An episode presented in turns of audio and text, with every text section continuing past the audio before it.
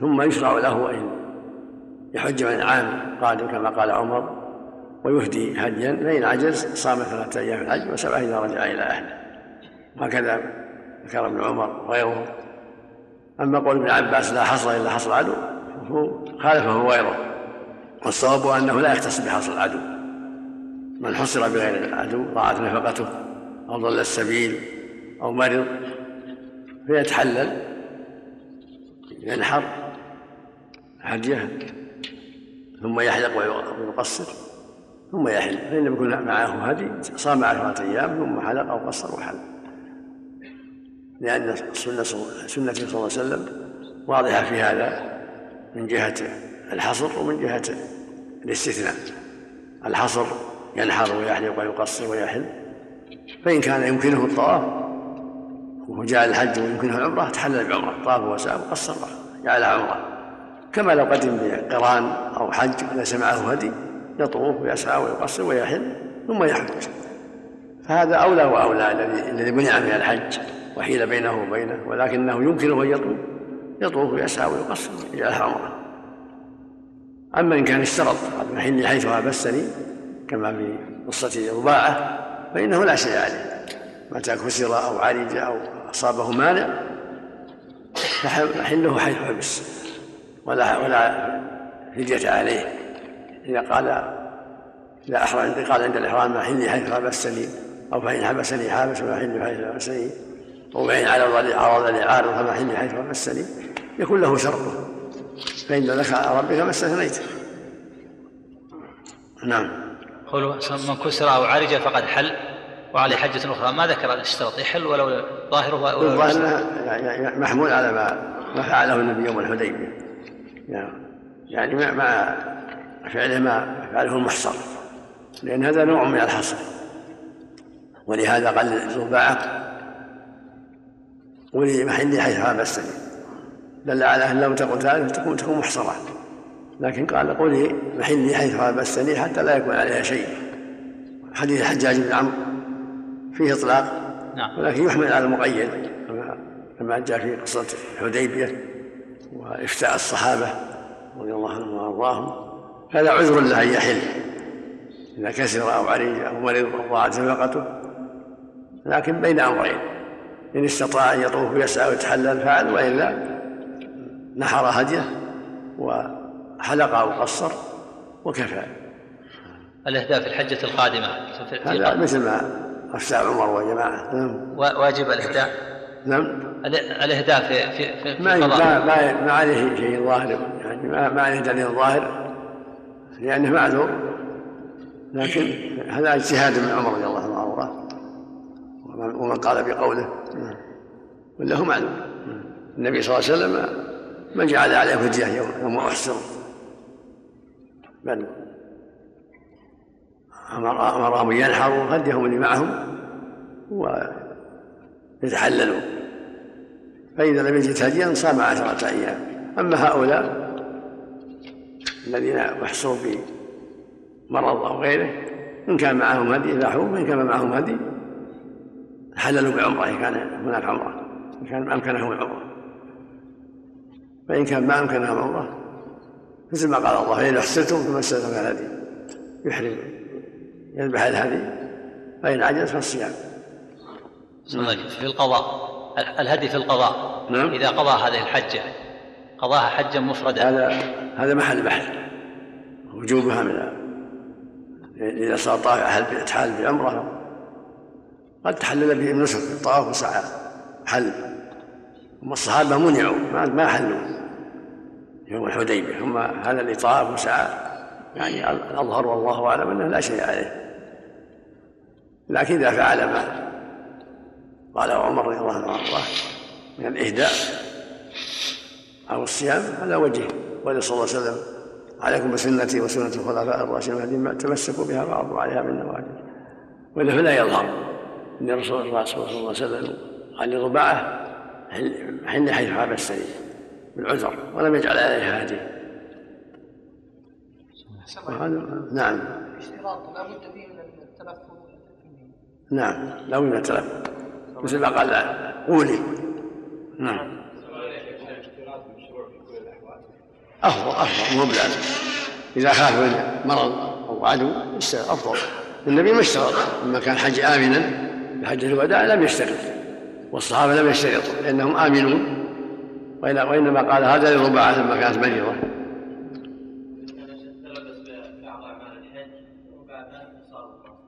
يحل.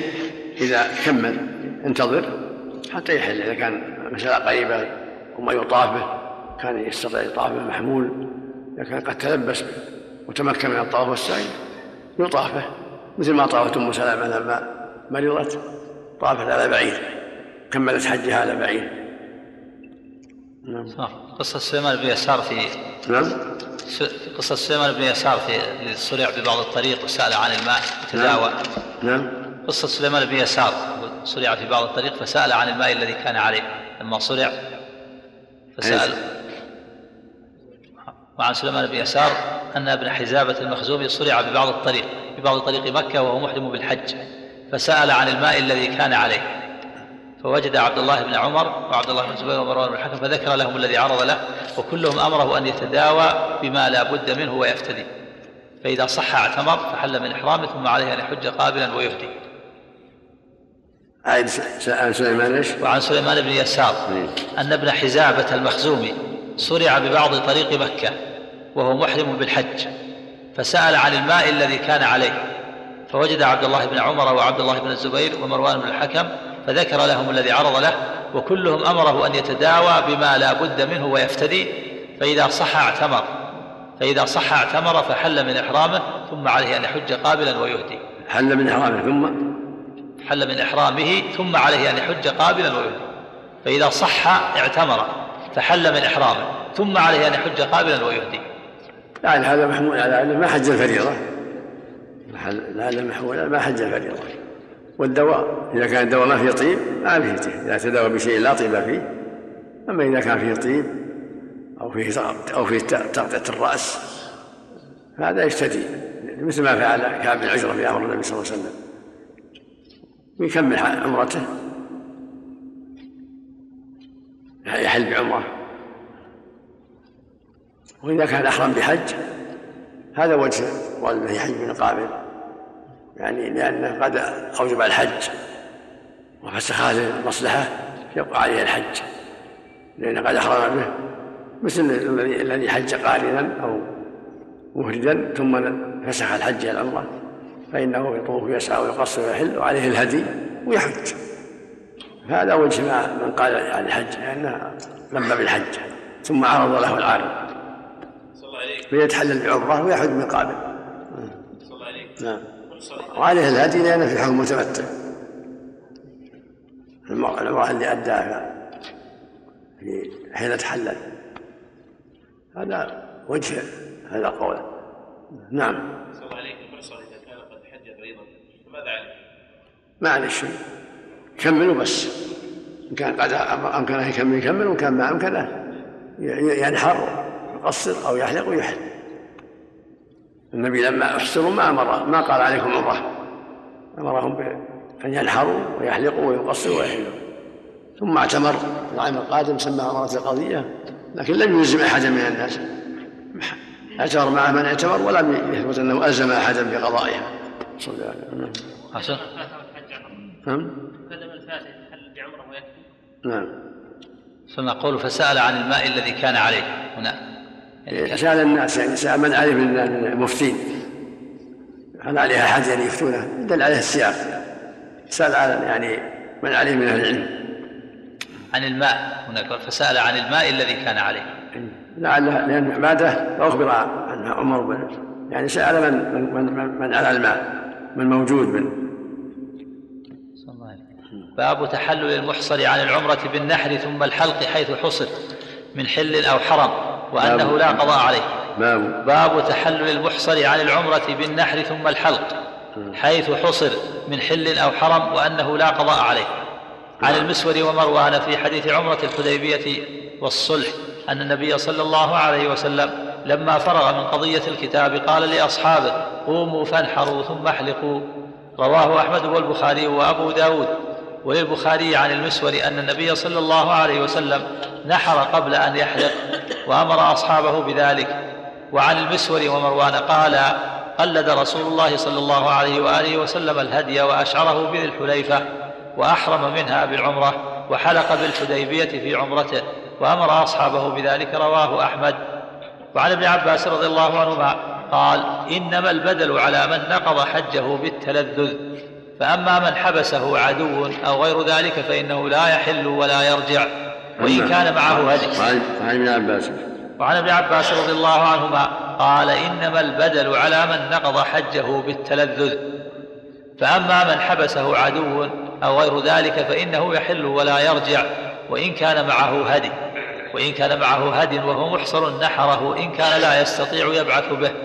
وإن استطاع أن يبعث به لم يحل حتى يبلغ الهدي محله. أخرجه البخاري وقال قال مالك وغيره ينحر هديه ويحلق في أي موضع كان ولا قضاء عليه لأن النبي صلى الله عليه وسلم وأصحابه, وأصحابه بالحديبية نحروا وحلقوا وحلوا من كل شيء قبل الطواف وقبل أن يصل الهدي إلى البيت. ثم لا يذكر أن النبي صلى الله عليه وآله وسلم أمر أحدا أن يقضوا شيئا ولا يعودوا له والحديبية خارج الحرم. كل هذا كلام البخاري في صحيحه. وهذا واضح. لأن إذا أحسر عن عن العمرة أو الحج نحر حجه وتحلل بعد الحلق أو التقصير. فإن عجز صام عشرة أيام عن ذلك. والنبي لم يأمر من يحسن معه أن يقضوا. أما الذي يحرم بالحج ثم فاته الحج تحلل بعمرة فهو يشبه الذين أحرموا بالحج أو بالقران ثم أمروا ثم أمروا بالتحلل. أن أرفقوا بهم هذا يشبهه فلهذا أمرهم عمر بقضاء الحج والفدية. لأنهم فاتهم الحج فتحللوا بعمرة فأشبهوا الذين أحرموا بالحج أو أو القران ثم انفسحوا بالعمرة. فإنهم فسحوا العمرة وعليهم الهدي وعليهم الحج. وهذا معنى واضح وجيه رضي الله عنهم وارضاهم أحسن. الله إليك. امرأة. نعم. أحسن الله إليك. امرأة طافت مع زوجها في السعي فقدت ثم لم تكمل سعيها وسافرت. إيش؟ أقول امرأة أحسن الله إليك ذهبت مع زوجها معتمرة. في الحج ولا عمرة؟ لا في عمرة أحسن الله إليك. وفقدته في أثناء السعي. ثم بعد ذلك لم تتم سعيها. واعتمرت بعدها عدة عمر. فماذا عليها؟ الواجب عليها أن تذهب وتكمل سعي عمرتها التي عليها. اعتمرت بعد العمرة هذه؟ إي نعم اعتمرت احسن اعتمرت احسن الله حج. الأغلب والله أعلم أن أول عمرة أتت بها بعد العمرة الأولى تكمل بها لأنها سعيها للعمرة الجديدة تكملت بها العمرة السابقة وتقصيرها وتحلت بها. وصارت العمرة الثانية تكميل العمرة الأولى. ثم العمرة الأخرى على بابها ما في شيء. حج أحسن الله نعم السعي في حج نعم. لا اعتمرت. عمرا بعد بعد العمرة الأولى. السعي في العمرة الثانية كمل العمرة الأولى. ولأنها ما زالت مشغولة بالعمرة الأولى. فسعيها للثانية يكمل الأولى. وتقصيرها حل, حل من الأولى. صارت حل عمرتين في عمرة في عمرة. فسعيها وتقصيرها حصل به التحلل وعمرها الأخيرة على حالها. فإن كان زوجها وطئها فعليها الفدية ذبيحة وعليها أن تقضي عمرها التي الذي وطئها فيها. وإذا كانت اعتمرت بعدها صارت قضاء. عمرة من من من الميقات اللي أحرمت بالأولى منه. صارت قضاء للأولى إذا كانت أحرم أتت بأدة عمرة بعد الوطء وإن كانت ما أتت بشيء عليها عمرة جديدة كما أفتى الصحابة بهذا لكن أسأل الله عليك ما يشترط أن تنوي نعم العمرة هذه؟ نعم أقول اعتمرت عمرة جديدة ولم تنوي أن ولو ولو ولو لأن المعنى واحد. المعنى واحد. نعم. ومثل لو كان لو كان في سعي الحج ثم اعتمرت نعم. مثل لو كان في سعي الحج ثم اعتمرت بعد ذلك. لو كان هذا في سعي الحج ثم اعتمرت. هذا محل نظر هذا محل نظر. لأن ما نوت الحج نوت العمرة. قد يقال عليها أن تسعى عمرة هذه على بابها يعني قد حصل التحل الأول وعليها أن تسعى بنية الحج. نعم. من حصل الحلال بعمرة. المحظورات الأخرى أحسن الحلال بعمرة. ألا يشبه من نوى الحج متمكعا ثم بعد اعتمر بدا له ولا يحج؟ ما يكون لا لا ما دام جاء العمرة ما ما يشبه شيء ما دام العمرة محسن يتحلل الحمد لله. لكن اقصد من ناحية الهدي ألا يشبه هذا من ناحية أنه لا ما عليه. عليه الهدي عليه هدي الإحصار بس. عليه هدي الإحصار. ذبيحة واحدة أو سواء بدل أو سواء بقرة.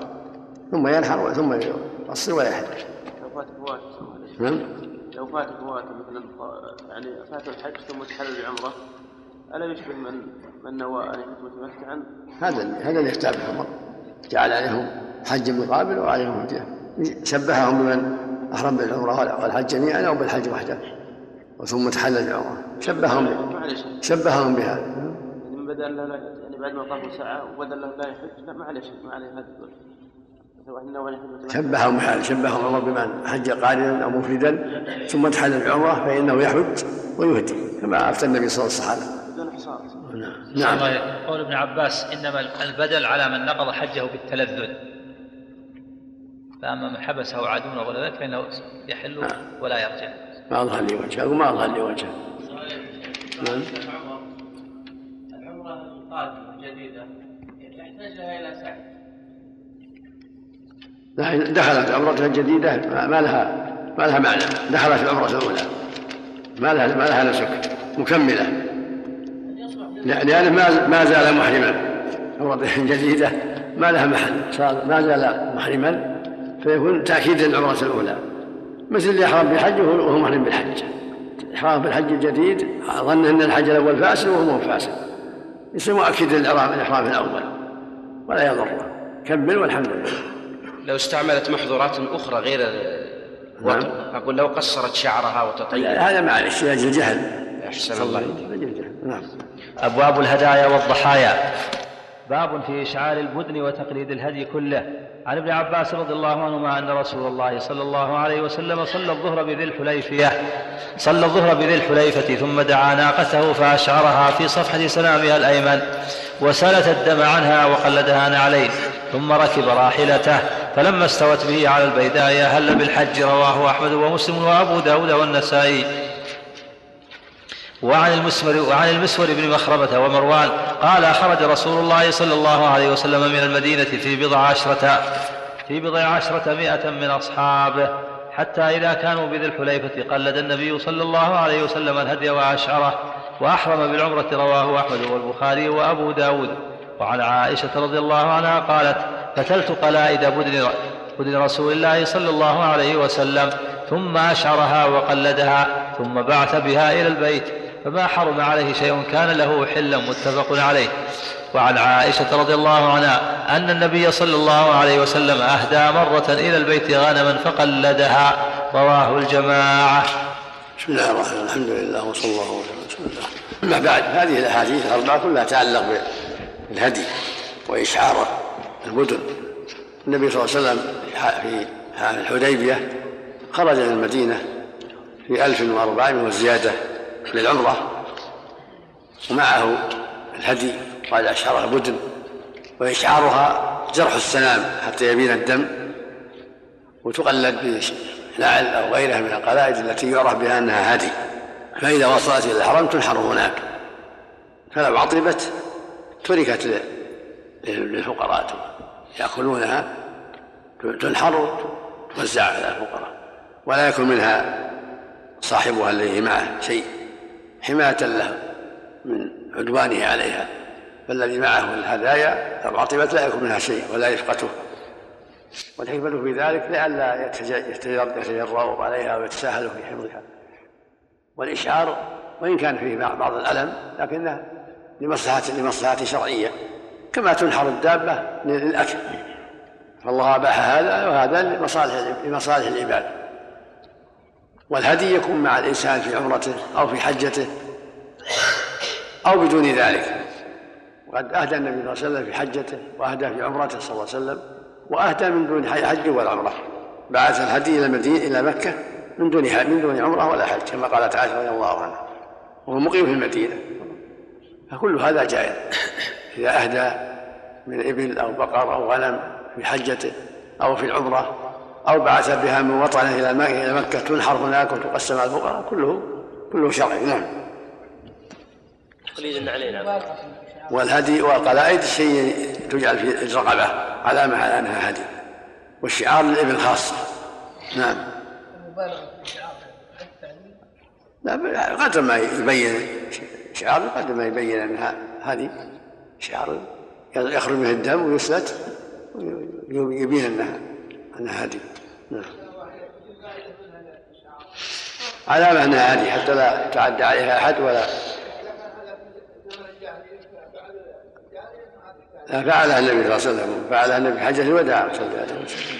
سنة أو سنة. نعم إذا تعارف الناس على وضع شيء تكون شبيعة للهدي ولو ولو إحياء السنة مطلوب إحياء السنة مطلوب في الإبل خاصة. الشعار الإشعار من السنة. من أهدى إبلا يشعرها. نعم. نعم. نعم, نعم. في السنة في سنامها. نعم. باب النهي عن إبدال الهدي المعين. عن ابن عمر رضي الله عنهما قال أهدى عمر نجيبا فأعطي بها ثلاثمائة درهم. فأتى النبي صلى الله عليه وسلم فقال يا رسول الله إني أهديت نجيبا فأعطيت بها ثلاثمائة درهم فأبيعها وأشتري بثمنها بدنا. قال لا انحرها إياها. رواه أحمد وأبو داود والبخاري في تاريخه. وهذا إذا تعين الهدي ليس له تصرف فيه خرج من ملكه صار إلى الله. الواجب نحوه إذا عين الهدية أو الضحية يذبحها ولا يتصرف فيها بعد ذلك. نعم. باب أن البدنة من الإبل والبقر عن سبع شياه وبالعكس. عن ابن عباس رضي الله عنهما أن النبي صلى الله عليه وسلم أتاه رجل فقال إن علي بدنة وأنا موسر لها ولا أجدها فأشتريها. فأمره النبي صلى الله عليه وآله وسلم أن يبتاع سبع شياه فيذبحهن. رواه أحمد وابن ماجه. وعن جابر رضي الله عنه قال أمرنا رسول الله صلى الله عليه وسلم أن نشترك في الإبل والبقر كل سبعة منا في بدنه متفق عليه. وفي لفظ قال لنا رسول الله صلى الله عليه وسلم اشتركوا في الإبل والبقر كل سبعة في بدنه. رواه البرقاني وعلى شرط الصحيح على شرط الصحيحين. وفي رواية قال اشتركنا مع النبي صلى الله عليه وسلم في الحج والعمرة كل سبعة منا في بدنة. فقال رجل لجابر رضي الله عنه أيشترك أيشترك في البقر ما أيشترك في البقر ما يشترك في الجزور؟ فقال ما هي إلا من البدن. رواه مسلم. وعن حذيفة رضي الله عنه قال شرك رسول الله صلى الله عليه وآله وسلم في حجته بين المسلمين في البقرة عن سبعة. رواه أحمد. وعن ابن عباس رضي الله عنهما قال كنا مع النبي صلى الله عليه وسلم في سفر فحضر الأضحى فذبحنا البقرة عن سبعة والبعير عن عشرة. رواه الخمسة إلا أبا داود. وهذه الحديث هذه الحديث كلها تدل على أنه لا بأس في الاشتراك في الإبل والبقر في الهدايا والضحايا كما فعل الصحابة في النبي صلى الله عليه وسلم في حجة الوداع البدنة. يشترك فيها سبعة والبقرة كذلك. أما الشاه عن واحد عن الرجل وأهل بيته. وأما حديث ابن عباس فهو مخالف للأحاديث الصحيحة في العشرة البعيدة عن العشرة وإنما هذا كان في قسم الغنائم. كان جعل البعيد عن العشرة في قسم الغنائم. على حسب غلائها وما تقارن تقارن من جهة الغنم فإذا كانت قيمتها تساوي عشرة من الغنم لا بأس في الغنائم عند عند قسم الغنائم.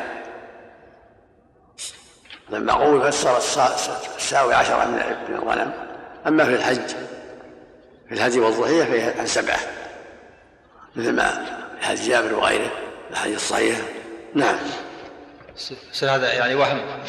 نعم. يصير وهم هذا ولا في الأضحى الظاهر وهم إنما هو في قسم الغنائم نعم كما جاء في حديث رافع بن خديج في الغنيمة أنه عدل البعير بعشر من الغنم قسم الغنائم صرح به رافع وغيره نعم, نعم.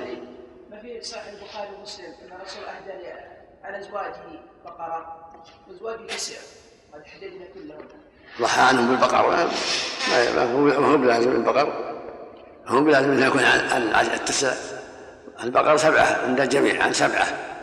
ولعله ذبح عن الثامنة والتاسعة شاتين. وهم ما فيهن عن التسع. نعم. إنه ضحى أهدى عن زوجاته بالبقر. ولا فيه تصريح بأنه عن كذا ولا عن كذا. قد تذبح البقرة عن واحد أيضا. لو ذبح واحد عن نفسه بقرة أو راس لا بأس. عن واحد. أو ضحى بها عن واحد نفسه لا بأس. أو ضحى بها عن اثنين أو ثلاثة أو أربعة لا بأس. لكن النهاية سبعة. النهاية في الإبل والبقرة سبعة. هذه النهاية للضحايا والهدايا لكن لو ذبحها عن واحد أو عن اثنين أو ثلاثة لا بأس. زوجات النبي صلى الله عليه وسلم تسع. فإذا ذبح عنهم بقرة احتيج إلى زيادة شاتين. نعم. الله إليك. لو أراد بدل الكبش ضحى ببعير. لا بأس. يقال أفضل من الكبش أم يقال الكبش؟ ما في عن سبعة عن عن سبعة نعم. أولاد الهدايا تبع الهدايا. نعم. أولاد الهدايا والأضاحي تبع إذا كان معها ولد تبعها إن ذبحها فلا بأس وين وين؟ ما ذبح الأم لا بأس. وهو بالعزم هو مخير إن شاء ذبح الولد وإن شاء ما ذبحه إلا إذا عينه. وأنه يكون مع أمه. هدية ذبحه. ولدت بعد التعيين.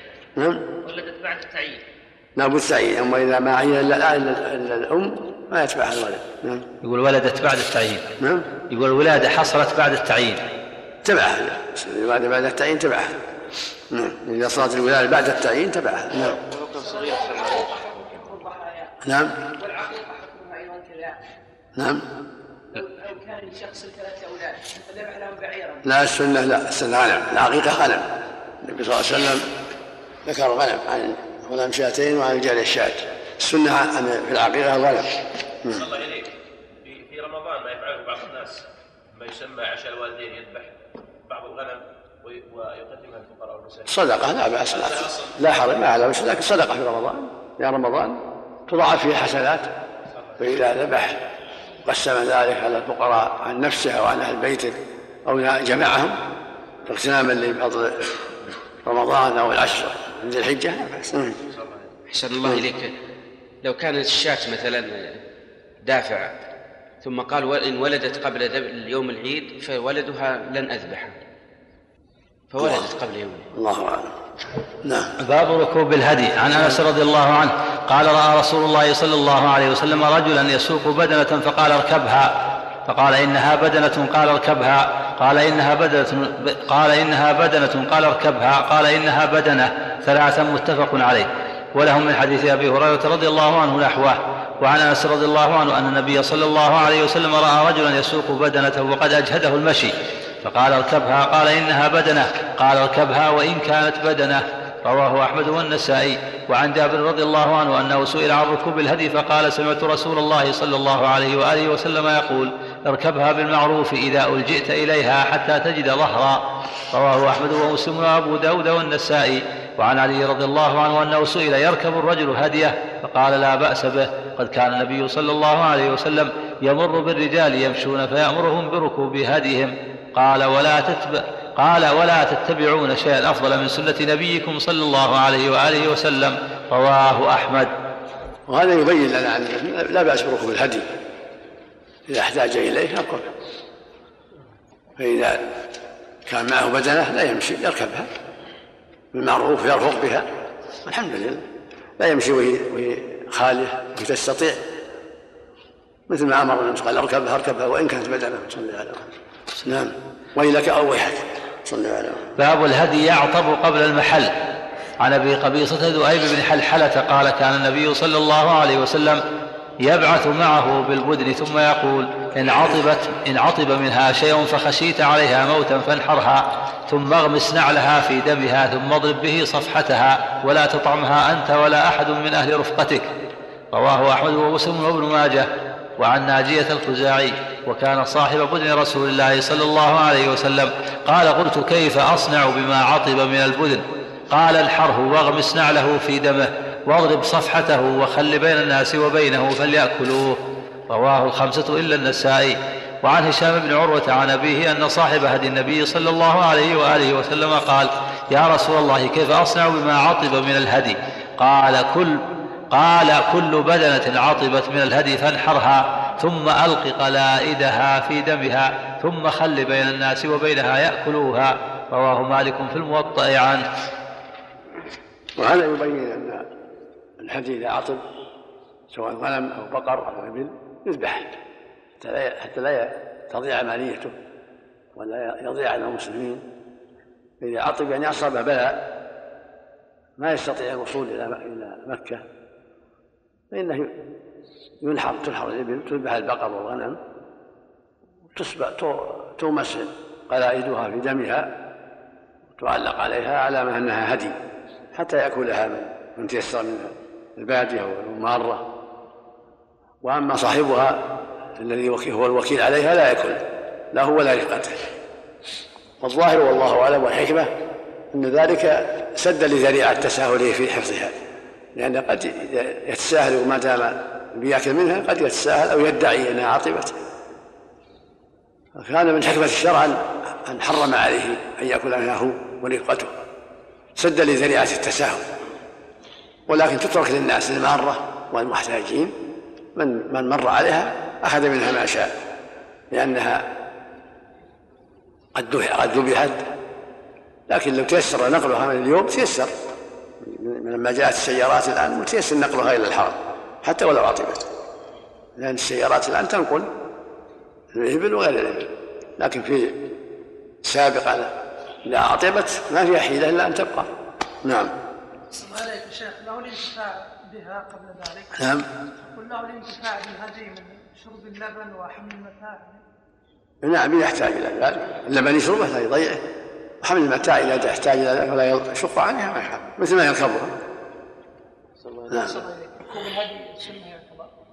إذا دعت الحاجة هم إذا دعت الحاجة سنة مباح ما يقال إذا كان مع مع ما يسده الحمد لله لا يركب.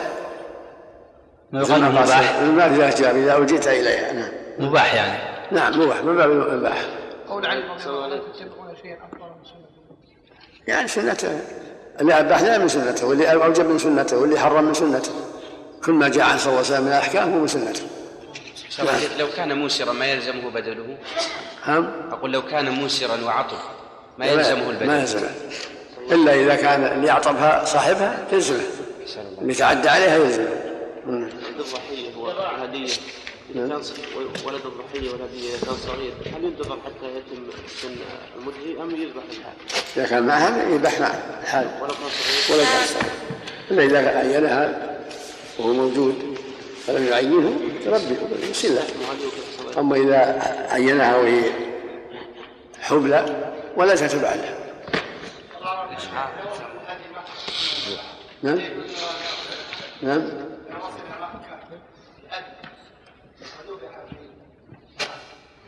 نعم للفقراء ولا يكفي للفقراء للفقراء للفقراء فقراء الحرم الإشعار يكون للغنم كما يكون للإبل مو بالظاهر لا. يكون خاص بالإبل. نعم. الإشعار يكون خاص بالإبل؟ الإبل خاصة نعم الإشعار الإبل؟ نعم. تقليد البقر والغنم. تقليد البقر والغنم نعم. صح أن الأفضل من الضأن الجدع ولولا ذاك لما اختار ما اختاره الله لنبي الله إبراهيم. لا هو بس أقل أقل مجزي أقل مجزي يجزي جزاء من الضال أقل هو أفضل أفضل ما هو أفضل منه. النبي ضحى بكبشين أقرنين كبيرين لكن الجدع أقل المجزي والثاني من المال ما هو أفضل حد الأفضلية أحسن الله ما أعرف ما أعرف فيها شيء صح يدل على الأفضلية إنما يدل على العزة فقط. باب الأكل من دم التمتع والقران والتطوع. في حديث جابر رضي الله عنه في صفة حج النبي صلى الله عليه وسلم.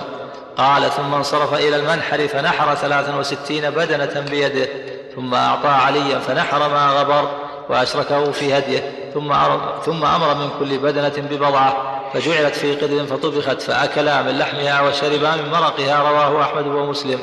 وعن جابر رضي الله عنه أن النبي صلى الله عليه وسلم حج ثلاث حجج حجتين قبل أن يهاجر وحجة بعدما هاجر ومعها عمرة فساق ثلاثا وثلاثين بدنة. وجاء علي من اليمن ببقيتها فيها جمل لأبي لهب في أنفه برة من فضة. فنحرها وأمر رسول الله صلى الله عليه وسلم في كل بدنة ببضعة فطبخت وشرب من مرقها رواه الترمذي وابن ماجه. وقال فيه جمل لأبي جهل. وعن عائشة رضي الله عنها قالت خرجنا مع رسول الله صلى الله عليه وسلم لخمس بقين من ذي القعدة ولا نرى إلا الحج. فلما دنونا من مكة أمر رسول الله صلى الله عليه وسلم من لم يكن, من لم يكن معه هد إذا طاف وسعى بين الصفا والمروة أن يحل. قالت فدخل علينا يوم النحر بلحم بقر. فقلت ما هذا؟ فقيل نحر رسول الله صلى الله عليه وسلم عن أزواجه متفق عليه وهو دليل على الأكل من دم القران. لأن عائشة كانت قارنة. بسم الله الرحمن الرحيم. الحمد لله وصلى الله وسلم على رسول الله وعلى آله أما بعد هذه الأحاديث فيها الدلالة على فيها الدلالة على شرعية الأكل من لحم الهدي هدي التمتع والقران. قد دل القرآن على هذا في قوله جل وعلا ليشهدوا منافع لهم ويذكروا اسم الله في أيام على ما لهم مما يسنعان فكلوا منها واطعوا البائس الفقير. الله شرع لنا الأكل والإطعام. السنة للحجاج أن يأكلوا من هداياهم ويتصدق سواء كان متمتعا أو قارنا أو مفردا وتطوع بالهدي. السنة ان يأكل من هدي ويتصدق. ولهذا أمر لما حج صلى الله عليه وسلم حجة الوداع أهدى مئة بدنة. نحر منها ثلاثة وستين بيده. وأمر علي يذبح أن ينحر البقية. ثم أمر من كل بدنة ببضعة فطبخت وشرب من لحمها شرب من مرقها وأكل من لحمها فدل على شرعية الأكل. والله نص على هذا كما تقدم والنبي صلى الله عليه وسلم أكل من هديه وهكذا الصحابة أمرهم النبي يأكلوا منها ويتزودوا ورجعوا بها بشيء إلى المدينة. كل هذا يدل على جواز الأكل من الهدي. وفي هذا أنه صلى الله عليه وسلم نحر عن زوجاته البقر. الأمر واسع في هذا. البدنة عن سبعة والبقرة عن سبعة كما بين النبي صلى الله عليه وسلم في عام الحديبية وهي حجة الوداع. فالسبع فالبدنة تذبح عن سبعة والبقرة عن سبعة والشاة عن واحد.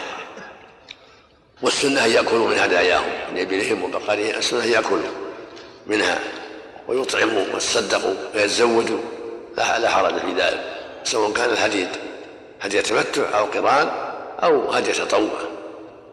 وفي من الفوائد. قوة صلى الله عليه وسلم بيان قوة صلى الله عليه وسلم. والنحر 63 في حال في وقت واحد ضحوتين والعيد هذه قوة عظيمة عليه الصلاة والسلام. لا ثلاث وستين بدأ. ثم نحر عليه البقية. ثم طبخ منها ما طبخ. ثم سافر إلى ثم تحول إلى مكة. طيبته. طيب. كما قالت عائشة. ثم توجه إلى مكة. فطاف طواف الحج وصلى مكة الظهر. ثم رجع فصلى بالظهر في منى. بمن في منى من الناس من الصحابة الذين لم يتحولوا معه. فإنه جاء صلى الله وسلم مكة الظهر وجاء أن يصلى مكة صلى بمنى الظهر. وجعل بينهما أنه صلى مكة الظهر أولا صلاة الفريضة فلما رجع وجد بعضهم لم يصلي من الصحابة صلى بهم فكانت له نفعة ولهم فرض. وفيه من الفوائد جواز الاستحلاف في النحر والذبح لا يلزم الإنسان يباشر. لو وكل غيره فلا بأس يذبح عنه وينحر عنه كما فعل النبي مع علي رضي الله عنه. نعم. لكن أحسن الله النساء أزواج النبي صلى الله عليه وسلم ما علمنا به كذلك لا يعطى جهاز منها شيء. نعم. ما علمنا أزواج النبي بذلك نعم. أقول أزواج النبي صلى الله عليه وسلم ما علمنا. إلى هو المسؤول عنهم. ما يشترط النية في هذا. يظهر من هذا أنه المسؤول عليه الصلاة والسلام لما حج بهم. نعم. هذا يدل على اللي يحج بناس نعم. يكون هو المسؤول عن هداياهم ولا يحتاجون. ولا يحتاج شيء. النية عن السابق لأنه تكفل بهم. قولوا فيه جمل لأبي لهب وجمل لأبي جهل. نعم. قولوا فيه جمل لأبي لهب. في بعض ابن ماجه فيه جمل لأبي جهل. فيها نعم، الإبل هذه. فيه مرة الله يعني على إظهار لإهانة الخبيث وأن الله جل وعلا أمكن منه حتى صار هذا الجمل من جملة الهدايا. نعم لإظهار عزة الإسلام وإهانة الكفر. نعم. ما أتذكر الآن. قول بالوجوب ما أتذكره لكن أخذ من ظاهر فكلوا يعني ظاهر الأمر. لكن الأمر هذا للإباحة أو للشرعية كما هو الأقرب السنية. لأن الرسول أكل والله أمر ودل على شرعية. أما الوجوب محل نظر. الصدقة نعم؟ أكلها كلها ولم يتصدق. المشروع أنه يأكل ويتصدق. هذا مشروع. يأكل ويتصدق. هذا مشروع. أما الوجوب محل نظر. لكن بعض أهل العلم يرى وجوب الصدقة ولو بقليل. صلى الله في هذه الرواية فساق ثلاثا وثلاثين بدنة. وجاء نعم. علي من اليمن ببقيتها. نعم. في وجاء فساق النبي صلى الله عليه وسلم ثلاثا وثلاثين بدنة. وجاء علي من اليمن ببقيتها. يعني ما أخذ من المدينة إلا 33 في هذا في 60 أو 63 على في رواية الترمذي هذا وأنت علي بالباقي هي ينحر ما بقى. ما غرر ما بقي يعني. تمام المئة. نعم. باب باب أن من بعث بهدي لم يحرم عليه شيء من ذلك. نعم. باب أن من بعث بهدي لم يحرم عليه شيء بذلك. نعم. عن عائشة رضي الله عنها قالت كان رسول الله صلى الله عليه وسلم يهدي من المدينة فأفتل قلائد هديه ثم لا يجتنب شيئا مما يجتنب المحرم. رواه الجماعة. وفي رواية أن زياد بن أبي سفيان كتب إلى عائشة رضي الله عنها إن عبد الله بن عباس رضي الله عنهما قال من أهدى هديا حرم عليه ما يحرم على الحاج حتى ينحر هديه. فقالت عائشة رضي الله عنها ليس كما قال ابن عباس أنا فتلت قلائد هدي رسول الله صلى الله عليه وسلم بيدي ثم قلدها بيده ثم ثم بعث بها مع أبي فلم يحرم على رسول الله صلى الله عليه وسلم شيء, شيء حله الله له حتى نحر الهدي. أخرجاه. باب الحث على الأضحية. عن عائشة رضي الله عنها أن النبي صلى الله عليه و... صلى الله عليه وآله وسلم قال ما عمل ابن آدم يوم النحر عملا؟ أحب باب. باب الحث على الأضحية. عن عائشة باب الحث على الحث على الأضحية. الأضحية نعم.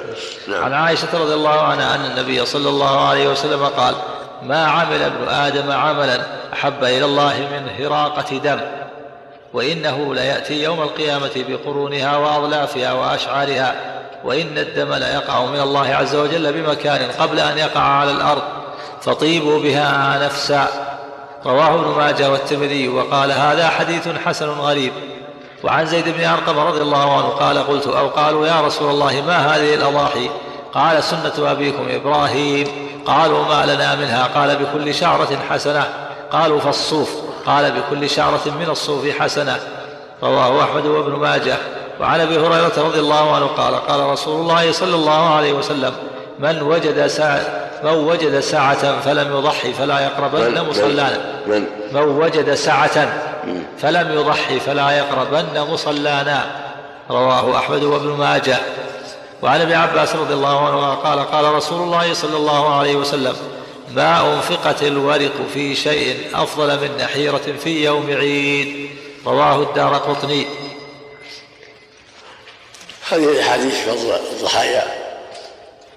الضحايا سنة في كل عام.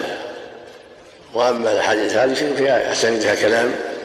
ولكن العمدة في هذا أنه ضحى صلى الله عليه وسلم. كان يضحي كل سنة كبشين أملحين أما هذه فيها بيان أن أنه ما عمل ابن آدم عمل في يوم يضحى من رقة دم ولا تأتي بأشعارها إلى آخره كلها أحاديث فيها بعض الضعف. ولكن العمدة في هذا فعله صلى الله عليه وسلم. في الصحيحين أنه كان كل سنة يضحي بكبشين أملحين والله جل وعلا يقول لقد كان لكم في رسول الله أسوة حسنة.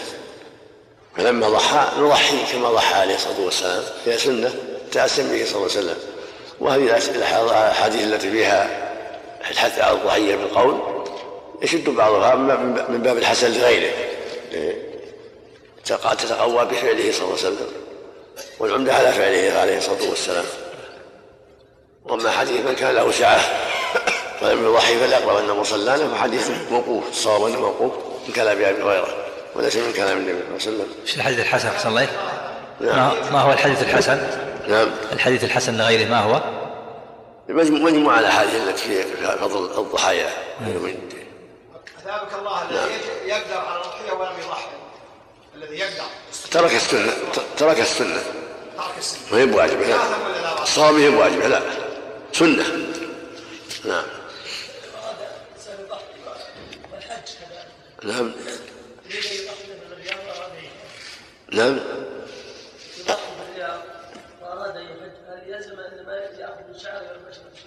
إيه. لا يأخذ حتى يضحي إذا تيسر يعلمهم تذبح يوم العيد أو إذا العيد حتى يكون على بصيرة. يكف. إلا ما يتعلق بالحلق. هذا ما لا شأن الضحية. حلق الحج والتقصير هذا يفعله ولا ينظر في مسألة الضحية.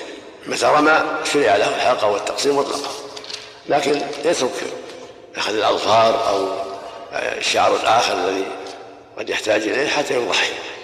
أما ما يتعلق بالحج من مناسك الحج ما ما, ما له ارتباط بالضحية. متى رمى الجمرة حلق أو قصر متى طاف العمرة سعى قصر ولو أنه بيضحي لأن أنساك مأمور بها مطلقا سواء بيضحي ولا هو بيضحي نعم. باب ما احتج به في عدم وجوبها نعم. باب ما احتج به في عدم وجوبها بتضحية رسول الله صلى الله عليه وآله وسلم عن أمته. عن جابر رضي الله عنه قال صليت مع رسول الله صلى الله عليه وسلم عيد الإضحى. عيد الأضحى.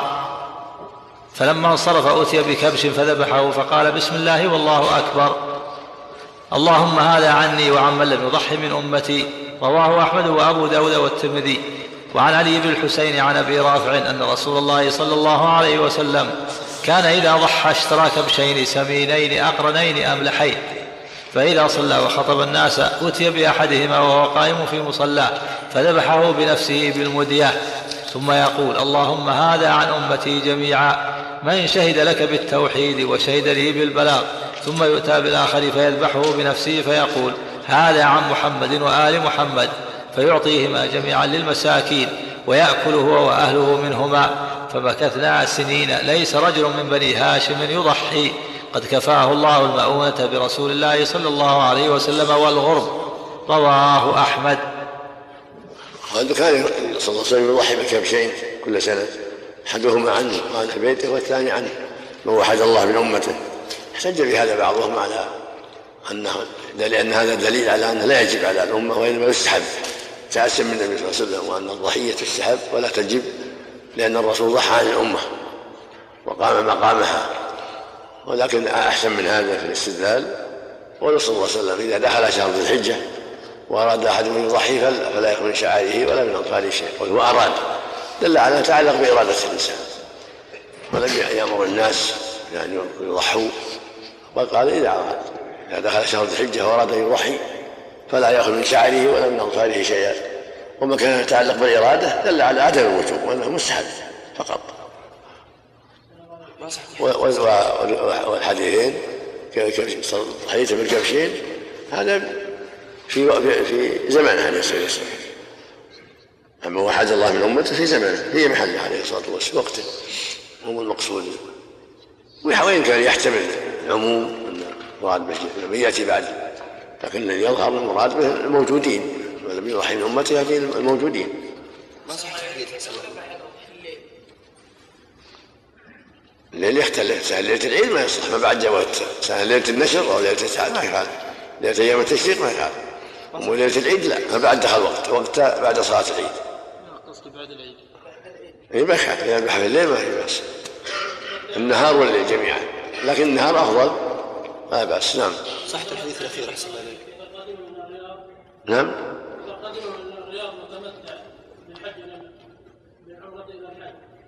طافوا ساعة فكر يحرمنا من المدينة.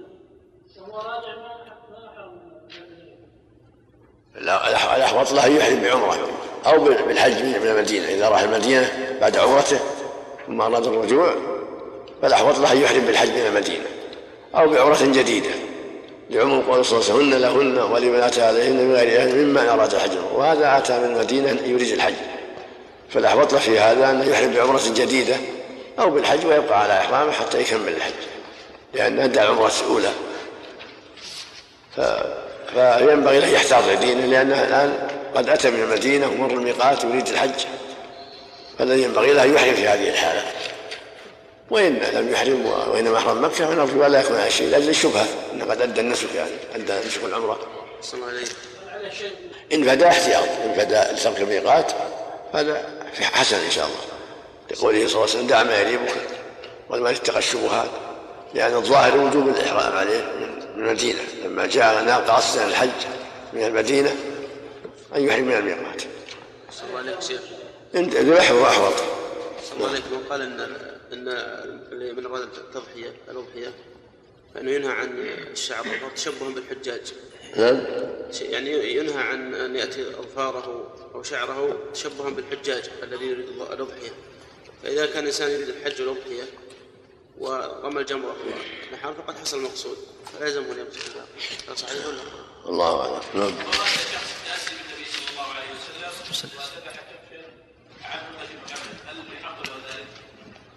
ما أعرف له اصل أقول ما أعرف له هذا اصل أقول ما أعرف له هذا اصل في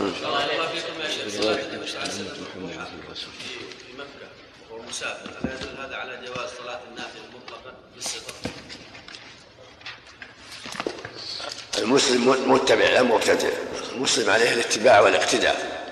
النبي صلى وسلم صلى الضحى اوتر في الليل اوتر اوتر النهار تهجد في الليل تهجد في السفر ترك راتبة الظهر والمغرب والعشاء في الفجر نترك. صلى راتبة الفجر يصليها في السفر نحن متبعون. الله جل وعلا قل إن كنتم تحبون الله فاتبعوني يحببكم الله. وقال سبحانه لقد كان لكم في رسول الله أسوة حسنة. ما فعل فعل نفعل وما ترك تركنا. هذه السنة. نعم. نعم ذبح الأضحية خاصة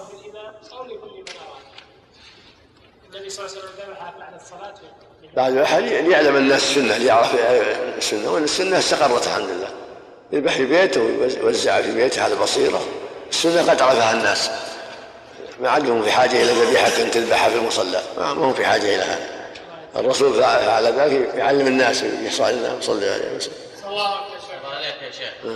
أقول في هذا المسجد توجد دواليب وفيها مصاحف ونحن نجعل هذه المصاحف خلف أظهرنا ونتكي على هذه الدواليب. فهل هذا الظاهر لا حاجة يعني مهم مقصود الإهانة هذه مقصودها المقصود الحفظ لحاجة الناس إليها وليس المقصود الإهانة لكن لو جعلت أمام الناس كان أحسن لو جعلت الدواليب أمام الناس لكان أمام الناس لكن نحن نتكي عليها. ما يضر إن شاء الله. ما في حال ما في حال إن شاء الله. نعم. الله إذا كان الهدي الذي التمتع في منى زحمة خرج إلى مزدلفة أو مكه وذبح فيه الحرام كله هذا من أفضل وذبح في مكة أو في أو في مزدلفة ما في بأس هذا أمر واسع الحمد لله. إذا دخل مكة وذبح داخل مكة الحمد لله. هذا أمر واسع باب ما يجتنبه في العشر من أراد التضحية. نعم باب ما يجتنبه في العشر من أراد التضحية. نعم عن أم سلمة رضي الله عنها أن رسول الله صلى الله عليه وآله وسلم قال إذا رأيتم هلال ذي الحجة وأراد أحدكم أن يضحي فليمسك عن شعره وأظفاره رواه الجماعة إلا البخاري. ولفظ أبي داود وهو لمسلم والنسائي أيضا من كان له ذبح يذبحه فإذا أهل هلال ذي الحجة فلا يأخذن من شعره وأظفاره حتى يضحي.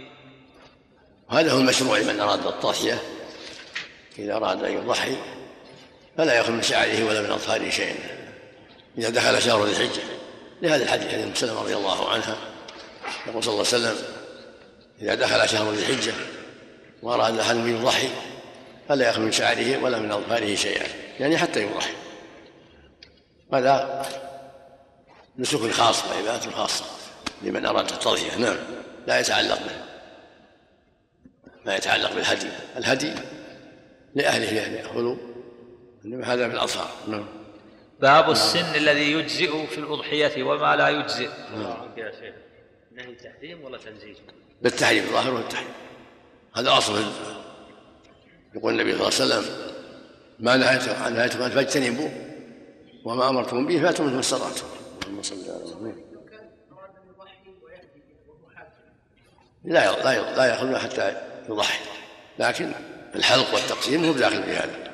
حلق الحج وحلق العمرة مو بداخل. في هذا نعم. النهي يشمل أهل البيت نعم.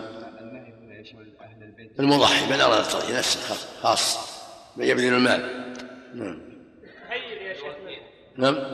تهيب من شيء هل يدخل في هذا؟ إيه، لا لا يخل شيء. كان بيضحي لا يخل شيء. بعد دخول شهر ذي الحجة اذا كان وكيلا في الاضحيه الله اليك الوكيل ما عليه شيء الوكيل مو مضحي المضحي موكلة. نعم. هل تشرع الاضحيه للحاج شيء؟ الضحيه عامة شرعيتها عامة. فعل النبي صلى الله عليه وسلم في حجه معروف انه ضحى بكبشين في في منى في حجة الوداع عليه الصلاة والسلام. نعم. كبشين احسن في في منى. كان في رواية أبي بكر انه ضحى بكبشين في منى. في حجة الوداع. صلى الله عليه وسلم. باب السن الذي يجزئ في الأضحية وما لا يجزئ. عن جابر رضي الله عنه قال قال رسول الله صلى الله عليه وسلم لا تذبحوا لا تذبحوا إلا مسنة إلا أن يعسر عليكم فتذبحوا جذعة من الضأن رواه الجماعة إلا البخاري والترمذي. وعن البراء بن عازب رضي الله عنه قال ضحى خال لي يقال له أبو بردة قبل الصلاة. فقال له رسول الله صلى الله عليه وسلم شاتك شاة لحم. فقال يا رسول الله إن عندي داجنا. جذعة من المعز. قال اذبحها ولا تصلح لغيرك. ثم قال من ذبح قبل الصلاة فإنما يذبح لنفسه ومن ذبح بعد الصلاة فقد تم نسكه وأصاب سنة المسلمين. متفق عليه. وعن أبي هريرة رضي الله عنه قال سمعت رسول الله صلى الله عليه وآله وسلم يقول نعمه أو نعمة الأضحية نعمه أو نعمة الأضحية الجذع من الضأن. رواه أحمد والترمذي. وعن أم بلال بنت هلال عن أبيها أن رسول الله صلى الله عليه وسلم قال يجوز الجذع من الضأن ضحية. رواه أحمد وابن ماجه. وعن مجاشع بن سليم أن النبي صلى الله عليه وسلم كان يقول إن الجذع يوفي مما توفي منه الثنية. رواه أبو داود وابن ماجه. وعن عقبة بن عامر رضي الله عنه قال ضحينا مع النبي صلى الله عليه وسلم بالجذع من الضأن. رواه النسائي. وعن عقبة بن عامر قال قسم رسول الله صلى الله عليه وآله وسلم بين أصحابه ضحايا فصارت لعقبة جذعة. فقلت يا رسول الله أصابني جذع؟ فقال ضح به متفق عليه. وفي رواية للجماعة إلا أبا داود أن النبي صلى الله عليه وسلم أعطاه غنما يقسمها على صحابته ضحايا فبقي عتود فذكره للنبي صلى الله عليه وسلم فقال ضح به أنت. قلت والعتود من ولد المعز ما رعى وقوي وأتى عليه حول. وهذه الأحاديث تدل على شرعية الضحية كما تقدم وأنها سنة وتدل على أن على الأقل سن المجزي مسنة وهي التي تم لها سنة من المعز أو جذع من الضأن واللي تم له ستة أشهر.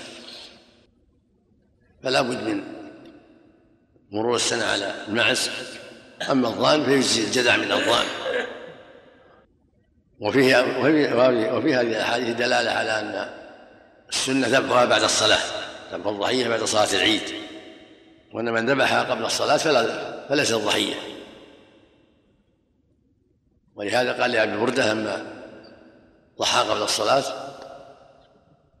قال اذبح مكانها قال عندي عتول قال اذبحها ولم تجع عن أحد بعدك. جد عنده جد عناق منها قال اذبحها ولم تجع عن أحد بعدك.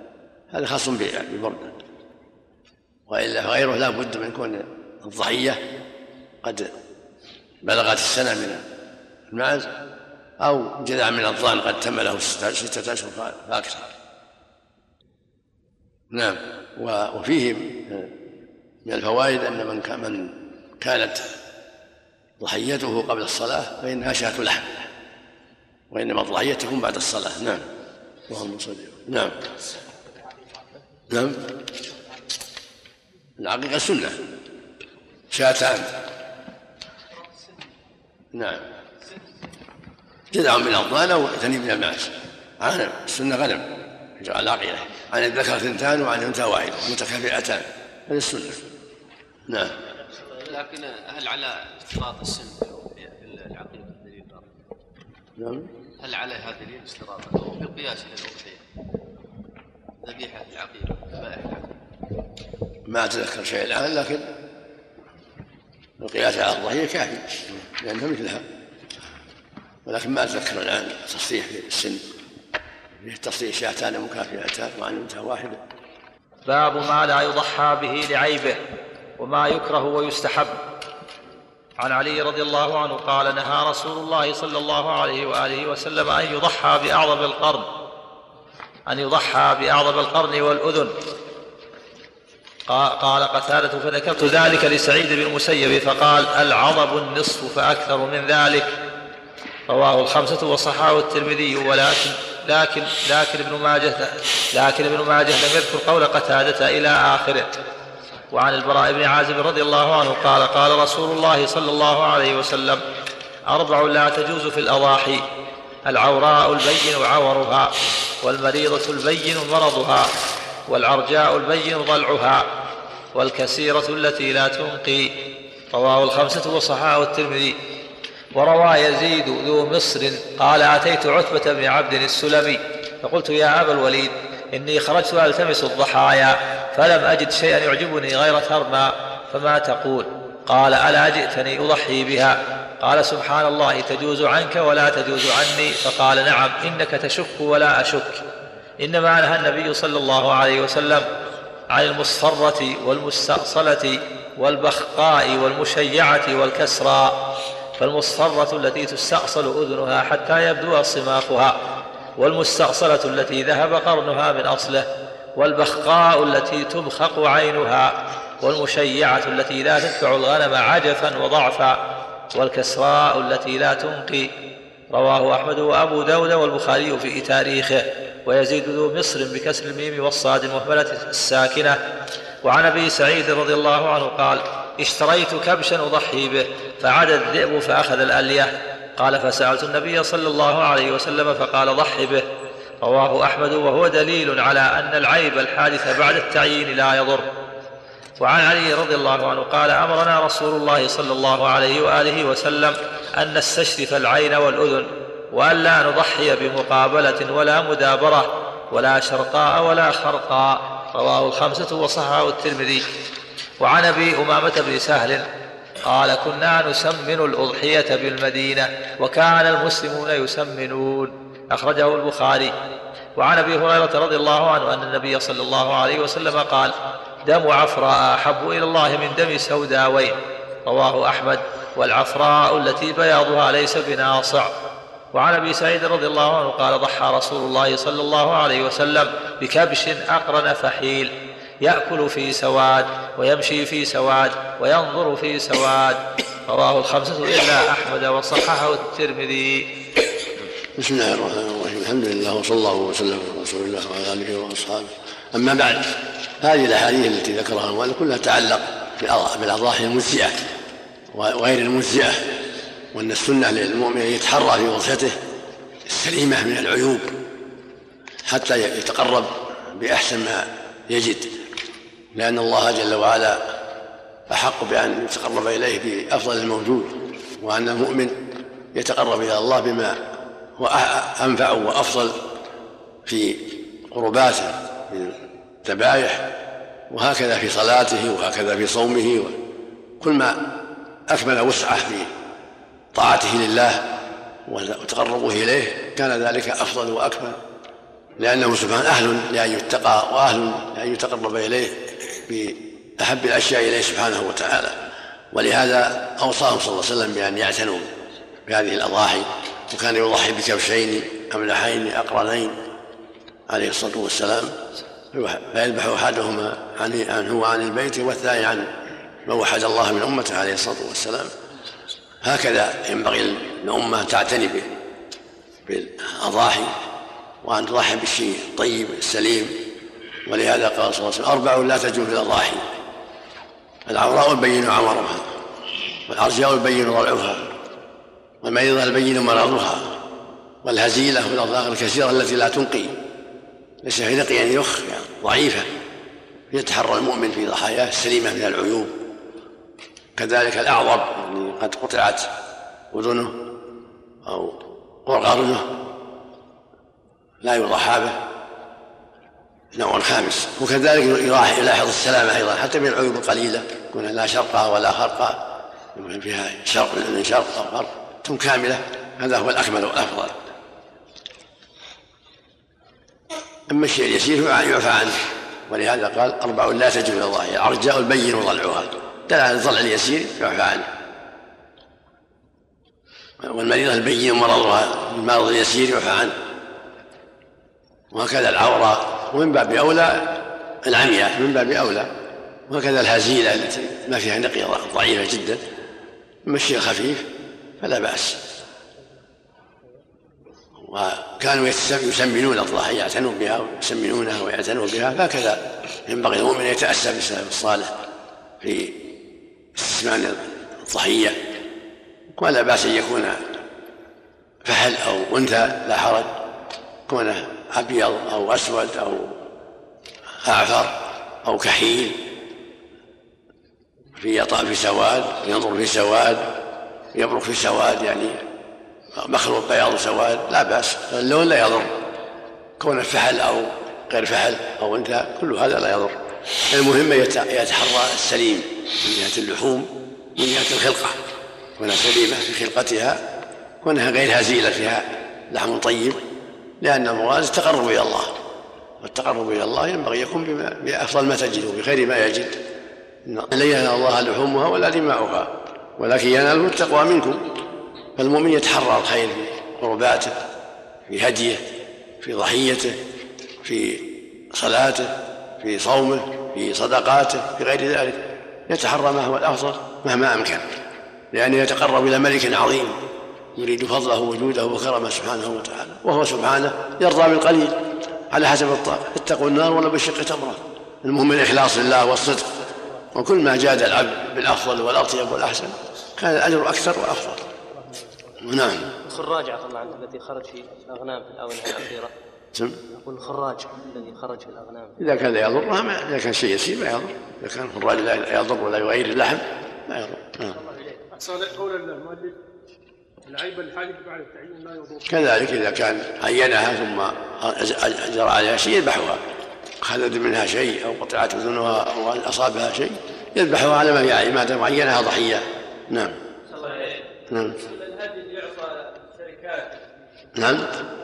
بالنسبة للشركات اللي تاخذ الهدي وينقلونه إلى خارج هذا جائز؟ لكن كونه يذبح في الضحايا في بلده ويطعم جيرانه وأهله أفضل وأولى. أما الهدية التي هي واجبة عن محظور أو ترك واجب فتذبح في مكة الأخرى من الحجاج. هذه ينبغي أن يكون فيها في مكة؟ أما الضحايا هذا يتطوع هدي التمتع والقرآن فهذا يأكل ويطعم. سواء في مكة ولا في غير مكة. نعم. بارك الله فيكم شيخ. نعم. الافضل أن يشتري أضحية غالية أو يشتري بثمنها أكثر من أضحية. كل ما كانت أسمن أو أكمل فاحسن أحسن من الواحدة الطيبة أحسن من اثنتين الضعيفات دون شيء دون. بارك الله فيك يا شيخ هناك في السوق هذه الأيام. قلما يجد الإنسان اضحيه سليمه مقطوعة الأذن لأنهم يجعلونها علامه الذين يبيعون على كل حال يلتمس القطع اليسير يعفى عنه إذا كان يسير يعفى عنه لكن يلتمس السليمه من العيوب مره واحدة يلتمس. إذا كان شق في الأذن من بدايتها إلى نهايتها ما يضر لكن السليمه أفضل.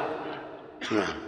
إذا عطبت إذا عطبت يذبحها ويذبح بدلا عنها ولا؟ ظاهر حديث ابن سعيد أنها تجزئ إذا كان بعد ما عينها نعم. إلا في الهدي لا الهدي اذا عطب ينحر في محله. هدي التطوع الهدي التطوع كما قال صلى الله عليه وسلم. ينحر في محله ويجعل عليه علامة النعل حتى يكون من يمر عليه ولا عليه شيء. ما دام هدي التطوع. أما الهدي الواجب فلا بد يذبح شيء ويجزي وكان الصورة في القرن أو الابل من غيره إن كان القرض ذاهب كلها كان شيء يسير يعفى عنه وإن كان ذهب القرض كلها واكثرها لا. أو كلها وأكثرها لا. ولو أسمع نعم. صلى الله في فرق بين الهدي الواجب وهدي التمتع في الذبح بمكة هدي التمتع فيها. وأمره واسع. ولهذا كان الصحابة يأكلون ويتزودون إلى المدينة. لكن الذبح كله في مكة. إيه، الذبح في مكة. نعم. لكن بس اللحم. صلى الله هدي في منى أو مكة هدي. لكن له تزود أما الضحايا الضحايا أمرها واسع. أما ما كان عن ترك واجب أو فعل محرم هذا لا لا يخرج عن مكة. لابد يقسم فيه فقراء مكة. لقوله جل وعلا جنبار يا كعبه نعم. يدل على أن غيره المقطوع الاذن والقرن أنه يجزئ جاء الأحاديث ضم بعضها إلى بعض. أو الأحاديث ضم بعضها إلى بعض. نعم. الحديث صحيح. أن يضحى بعظم قرن صحيح. نعم. نعم.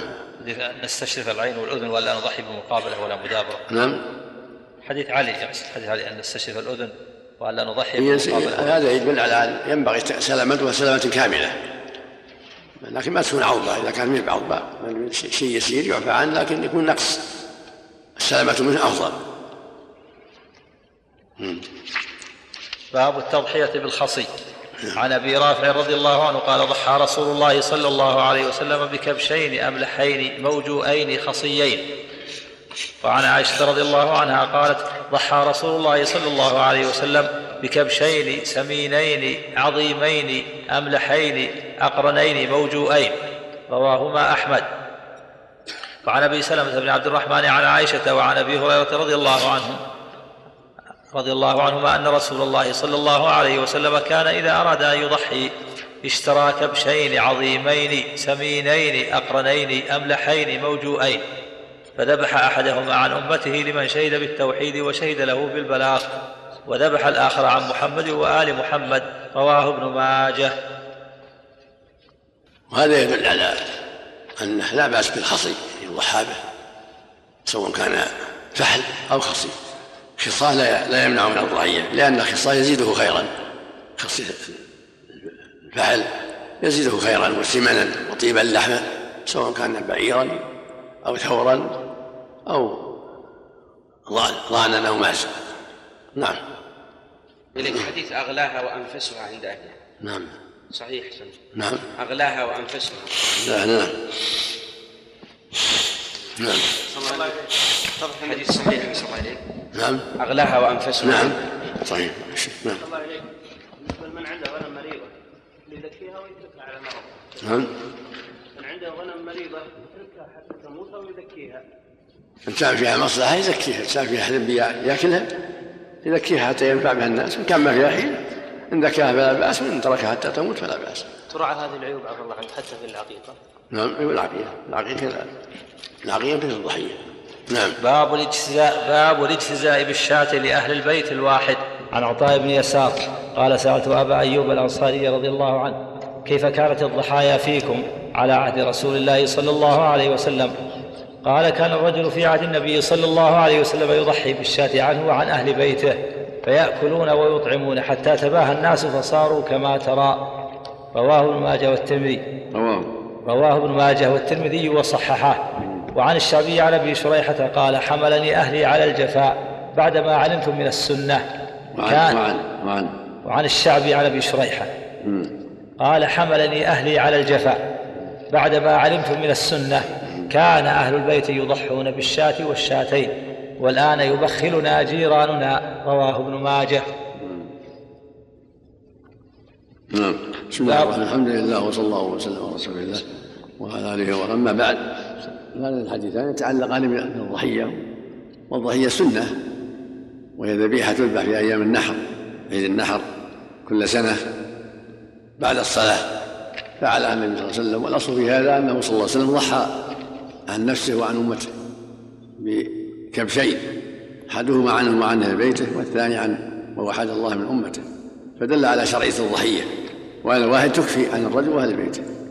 كما فعل النبي صلى الله عليه وسلم فإنها واحدة عنه وعن زوجاته وعن بيته. ومن زاد فلا حرج. لكن السنة السنة تحصل بواحدة كما ذكر أبو ايوب نعم الله عنك بشريحه ولا بسريحه؟ نعم. بشريحه ولا بسريحه؟ سريحه فتح السين نعم. عندنا شريحة. نعم. وقع شريحة. المعروف أبي سريحه بفتح السين عقبة بن الحارث أبو سريحه شوف التقريب؟ عقبة بن الحارث. حذيفة بن اسيد نعم. حذيفة بن اسيد ولا؟ نعم. حذيفة بن اسيد نعم. الصحابي حذيفة بن اسيد هذا حذيفة بن اسيد هذا بالفتح أيضا. ابو سريح حذيفة بن اسيد نعم. بخلاف اسيد بن الفضيل هذا بالضم اسيد بن الفضيل أما هذا حذيفه بن اسيد نعم. من نعم. كم من ذم ذم هؤلاء الصحابة للإكثار على الواحدة؟ إن وصفوا هذا بالتباهي محتمل محتمل. فإن القصد يختلف قد يكون قصد مباهات وقد يكون يقصد الإنسان الزيادة لكثرة أهل البيت وكثرة المحتاجين. فإذا بحث لكثرة المحتاجين فليس من التبعي وإذا فعلها بمباهاة صار هذا مذموم ولعل الذي وقع مباشرة أبو أيوب لعل من هذا الباب. طلع على ناس فعلوا التباهي. نعم. حذيفة أحسن الله إليك. نعم. تقريبا. نعم. حذيفة بن أسيد بن أسيد. حذيفة بن أسيد.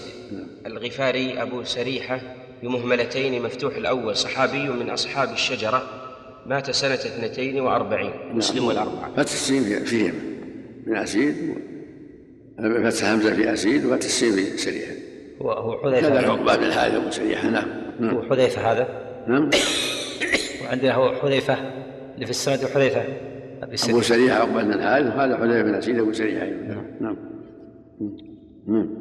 وعن الشعبي عن أبي سريحة قال حملني أهلي على الجفاء بعدما علمت من السنة. كان أهل البيت يضحون بالشاة والشاتين والآن يبخلنا جيراننا رواه ابن ماجه. مثل ما تقدم. لما تباهى الناس يكون يذكر ان أنهم خلوه لما كانت ضحيتهم واحدة مش كان المشي على عليه رواه ابن ماجه يقول. رواه ابن ماجه. تكلم عن هاشم نعم. نعم. عن الشيء أخرجه وأخرجه أيضا مالك في الموطأ. على كل حال الضابط في هذا الضابط في هذا أن إن كان المقصد التباهي فهذا مذموم إن كان قصد الحاجة فلا بأس. نعم. الليل موجود أحسن الله إليك. نعم. وصية الوالد أن يذبح عن ابنه يذبح عنه في كل عيد. عن عنه عن ابنه؟ مطلقا لا عنه لا بأس لا بأس. نعم. الابن مطلقا أن يضحي عنه على الدوام إذا كان إذا كان خلف ماله وصال الأول لا ما خلف لا ما, ما يلزم. إلا إذا كان خلف على أول إذا كان خلف ماله وصال ثلث أو ربع أو خمس لا يحل يعني يضحى من المال الذي أوصى أما إذا وصى ولده فهذا من باب البر.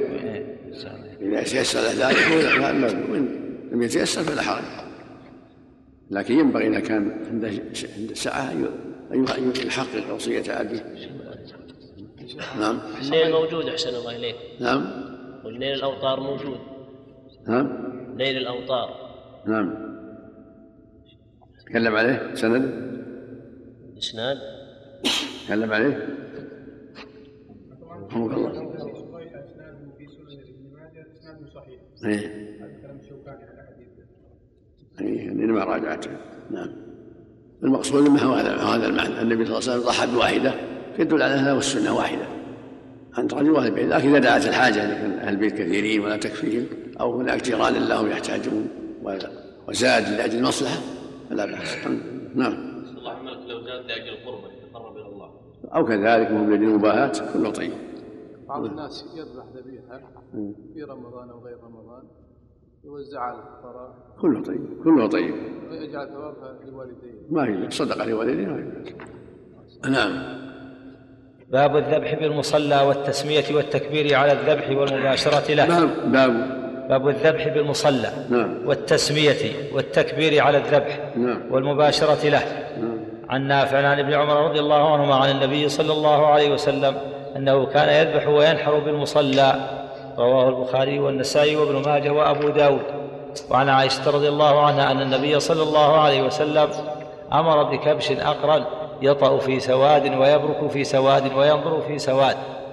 فأتي به ليضحي به. فقال لها يا عائشة هلم بالمدية. ثم قال اشحذيها على حجر. ففعلت ثم أخذها وأخذ الكبش فأضجعه ثم ذبحه. ثم قال بسم الله اللهم تقبل من محمد وآل محمد ومن أمة محمد. ثم ضحى. رواه أحمد ومسلم وأبو داود. وعن أنس رضي الله عنه قال ضحى رسول الله صلى الله عليه وآله وسلم. بكبشين أملحين أقرنين فرأيته واضعا قدمه على صفاحهما يسمي ويكبر فذبحهما بيده. رواه الجماعة.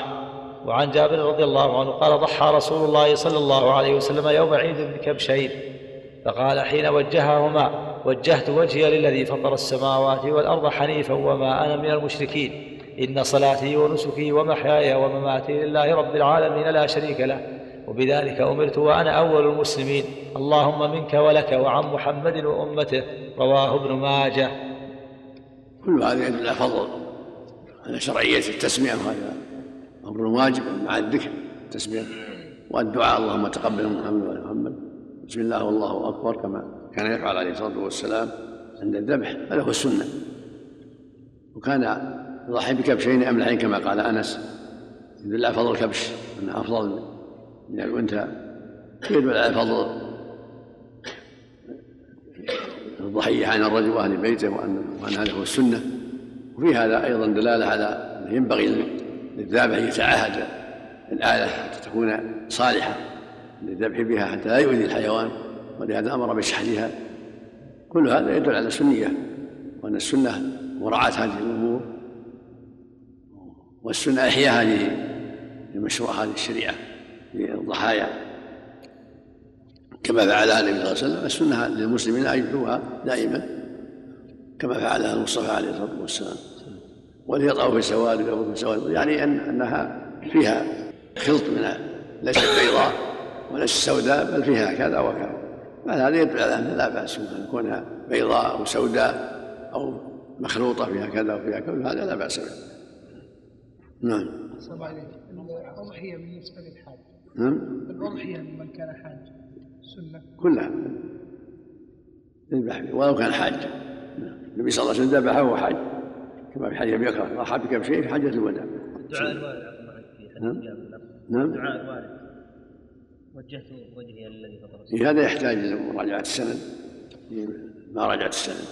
قال عليه الحشي شيء. خرجه أيضا أبو داود والبيهقي وفي إسناده ابن إسحاق. الكلام فيه مشهور. وأبو عياش قال الحافظ في التلخيص أبو عياش لا يعرف. الراجع إن شاء الله ونفيتكم بعدين. أقول راجع ونفيتكم إن شاء الله في الدرس الآخر. الدرس الثاني قبلها نعم. ما أعرف لها أصل. أو لا أعرف لها أصل. أقول لا أعرف لها أصل. نعم. المهم ان يقول بسم الله والله أكبر. هذا هو المتأكد. التسمية. والله أكبر. أما ذكر ان صلاتي ونسكي إلى اخره وجهت وجهه يحتاج إلى جمع أسانيد الحديث. من يتب... من يحتسب منكم يجمعها؟ نعم.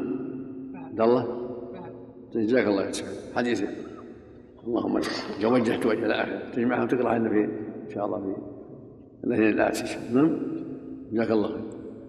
يعني يخشى اني اعدكم ولا يتيسر لي. نعم. أحسن الله إليك. نعم. نقل الأضحية إلى بلد آخر. نعم. أقول نقل الأضحية. ما على في حرج لكن كونها في بلد أحسن. كونها في بلد يعني يعطي جيرانه هذا أفضل. ولو ذبحها في بلد آخر. مثل ما ذبحها النبي مكة وهو في المدينة. صلى الله عليه وسلم. أحسن الله إليك. إذا كانت الوصية عنده وصية فيعطيها البنوك هذه ب 250 ريال. علما أنه لو ضحى في بلده ب 700 ريال. ويقول هذه لا, لا نحتاج ذبح ولا دماء ولا غيره ولا توزيع تصل وينتهي. ومن يتولاها بنفسه أفضل. من يتولاها بنفسه أثبت وافضل كما تولاها النبي صلى الله عليه وسلم وتولاها الصحابة. ويوزعها بنفسه. أفضل من كون يعطيها زيد وعمر.